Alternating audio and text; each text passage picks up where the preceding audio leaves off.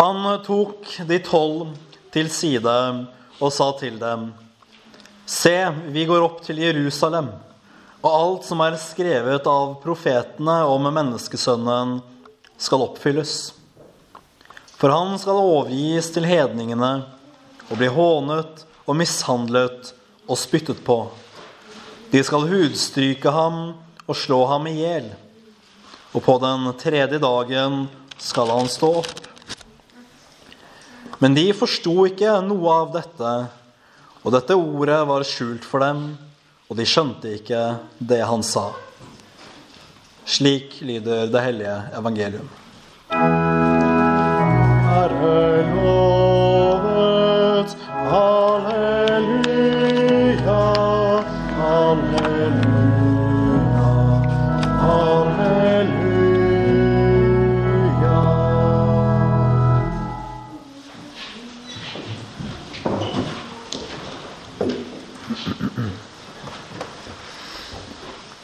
Hellige Fader, hellige oss i sannheten. Ditt ord er sannhet. Amen. Jeg vil eh, begynne med å si noen ord om eh, hvordan vi mennesker gjerne ofte tenker om ting. Hva våre tanker om eh, suksess og vellykkethet er. Fordi vi mennesker, vi har vår eh, egen standard for å måle vellykkethet.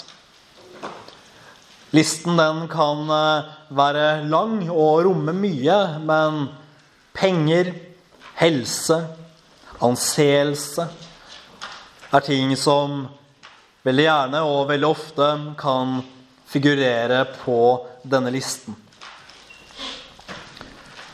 Så måler vi livets suksess ut ifra denne standard. Og ut ifra hvordan eh, ting når opp på denne standard, så gir vi det verdi. Det som når opp, det tenker vi at det er bra og verdt å bli sett opp til. Det som eh, ikke helt når opp, ser vi ned på og forkaster. Da er det ikke så rart at Jesus sine disipler ikke forstår hva han mener når han taler til dem på vei til Jerusalem. For det første så er det jo klart at de har en begrenset forståelse som mennesker. Akkurat som vi noen ganger kan oppleve å ha.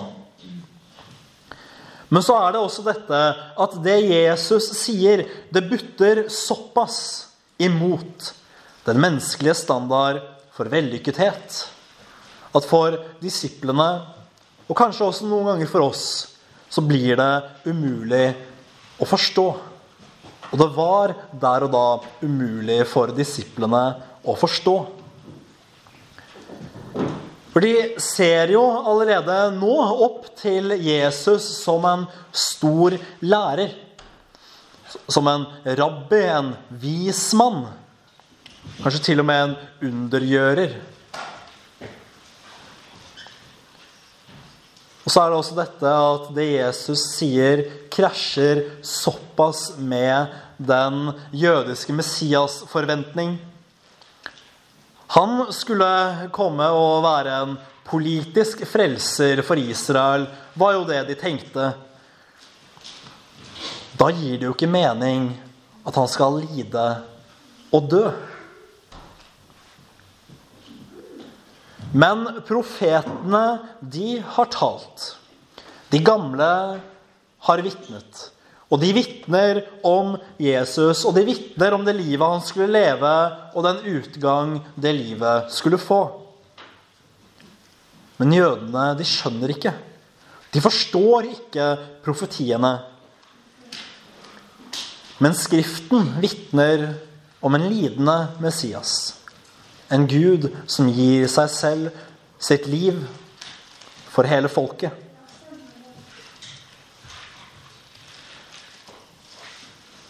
Fordi Jesu offer og Jesu lidelse det er to ting vi ikke kan skille fra hverandre. Jesus han var på vei til Jerusalem sammen med disiplene sine. Og Jesus visste hva som ventet der. Han hadde jo samtalt med Moses og profeten Elias om dette på Taborfjellet, som vi hørte om forrige søndag. Da var en av de tingene de snakket om, veien videre og den utgangen livet hans skulle få. Lidelse og død var det Jesus hadde i vente. Men hvorfor var det sånn? Hvorfor var det sånn at Jesus skulle lide? Hvorfor var det sånn at han skulle lide mye? Og hvorfor måtte han dø? Det er klart at dette her, det måtte skje for å fullføre det han skulle gjøre. For Jesus han skulle være et offer for hele verden. For alle mennesker. Og oppsatsen til dette her, den er egentlig veldig enkel og bør ikke være vanskelig å forstå. Grunnlaget er at Gud er hellig, god og allmektig. Vi mennesker vi bryter hans lover, hans bud og hans vilje. I alt så gjør vi mennesker med våre onde og gjenstridige hjerter opprør mot Gud. Vi gjør det daglig, og vi har gjort det siden gammel tid. Det som skjer da, er at vi fører straff over oss selv. Og denne straffen, den er vi i utgangspunktet nødt til å ta selv. For skylden, den er vår. Og straffen den er også like enkel å forstå som den er brutal. Straffen er helvete. Vi går til grunne.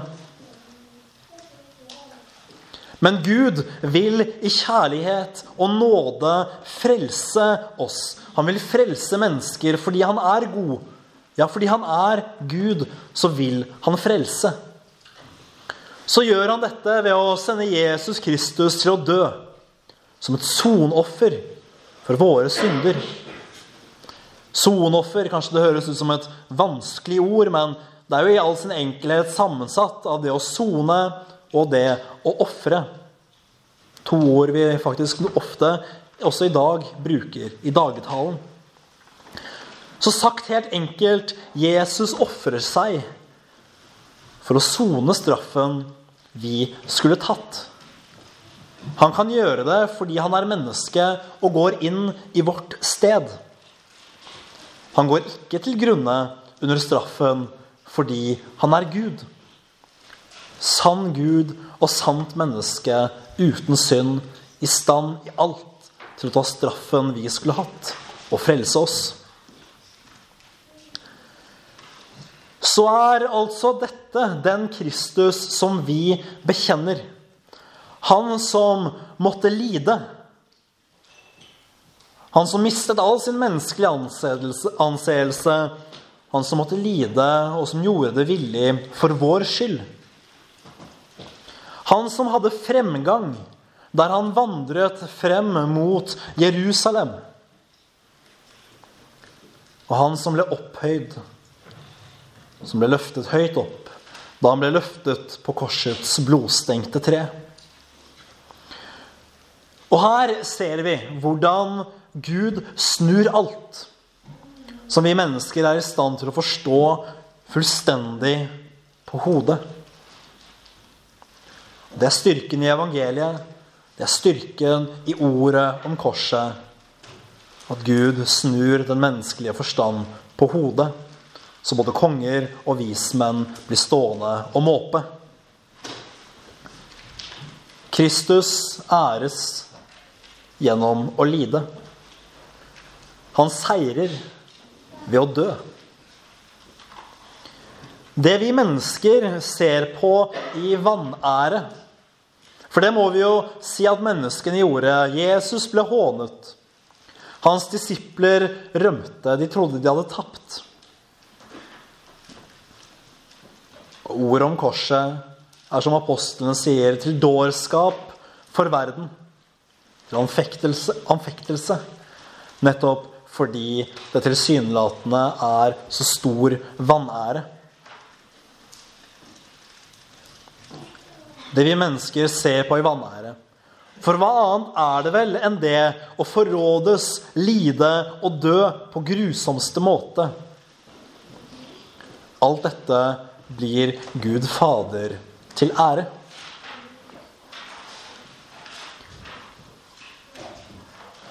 For er det ett sted vi i sannhet får åpenbart at Gud er herlig, er det ett sted vi får åpenbart Guds herlighet, så er det i at han vil frelse oss.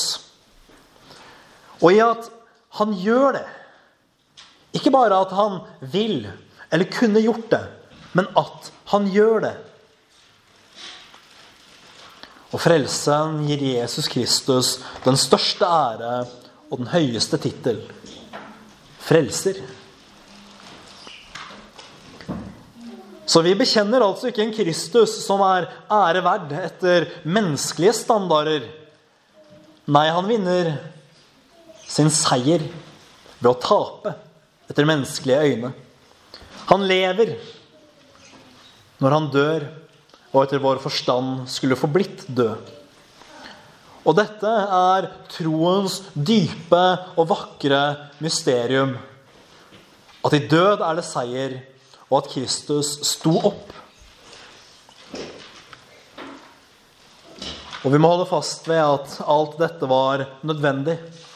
Nettopp fordi vi mennesker trenger frelse.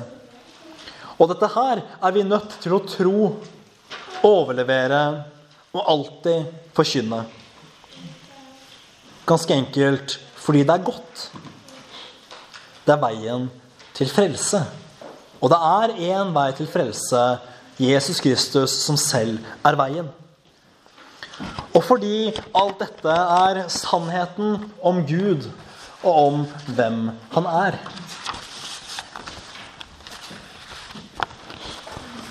Vi er også forpliktet til å overlevere dette fordi Gud vil at alle mennesker skal bli frelst, som vi hørte apostelen skrive til sin venn Timoteus. Og når da dette her, som jeg nå har pratet om til nå, er frelsesbudskapet, at Jesus Kristus ga seg selv for vår skyld, da må det og skal det alltid forkynnes. Og vi er nødt til å avvise alle som forkynner noe annet enn evangeliet om Jesus Kristus og som avviker fra den hellige lære vi har fra de gamle fedre. Men vi får et interessant perspektiv fra Paulus. Vi er aldri, aldri unnskyldt å tale ondt om eller behandle vranglærere eller meningsmotstandere dårlig. For alt vi vet, så er en kjetter i dag en omvendt trosbroder i morgen. Gud ønsker alle menneskers frelse. Han venter tålmodig på deres omvendelse. Og Gud venter også tålmodig på vår omvendelse. Og den tiden skulle vi bruke godt. Ikke til å tale ondt om andre. Ikke til å behandle de som har falt fra eller avviker fra læren dårlig. Da risikerer vi å dytte dem enda lenger bort men til dette ene å alltid forkynne evangeliet om Jesus Kristus, som tilgir oss alle våre synder når vi vender om. Mildt, men alvorlig mane til omvendelse til Kristus og tilbakevendelse til den apostoliske tro der noen har falt fra. Og kanskje aller viktigst, som vi lærer fra Paulus, stadig be til Gud Fader på vegne av alle mennesker men kanskje særlig de uomvendte. Fordi vi er kalt til å elske mennesker og vise dem omsorg. Og ingen større omsorg finnes enn å be for noen.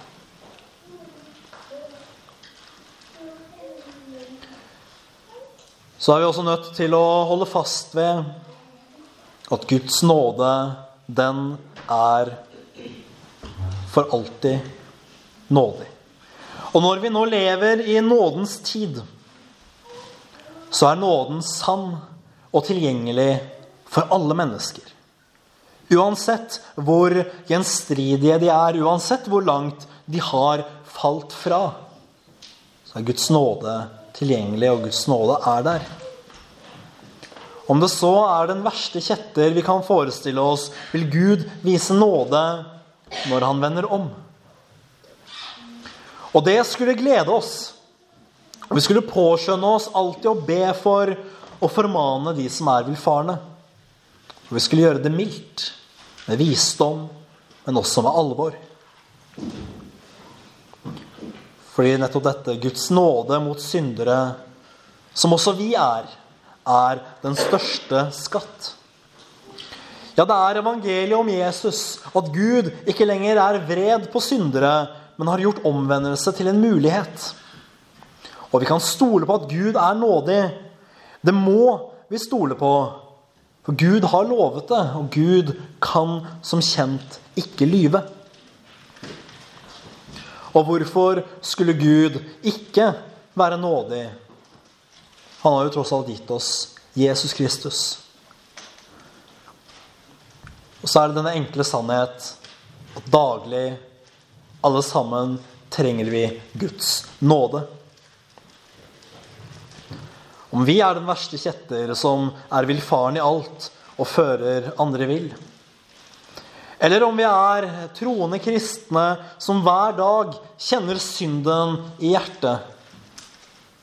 Så trenger vi Guds nåde.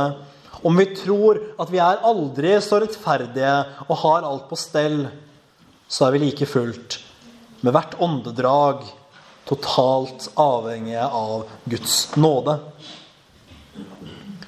Og når vi tror, og når vi vender om, ja, da vet vi at Gud vil se i nåde til oss for Jesu Kristi skyld.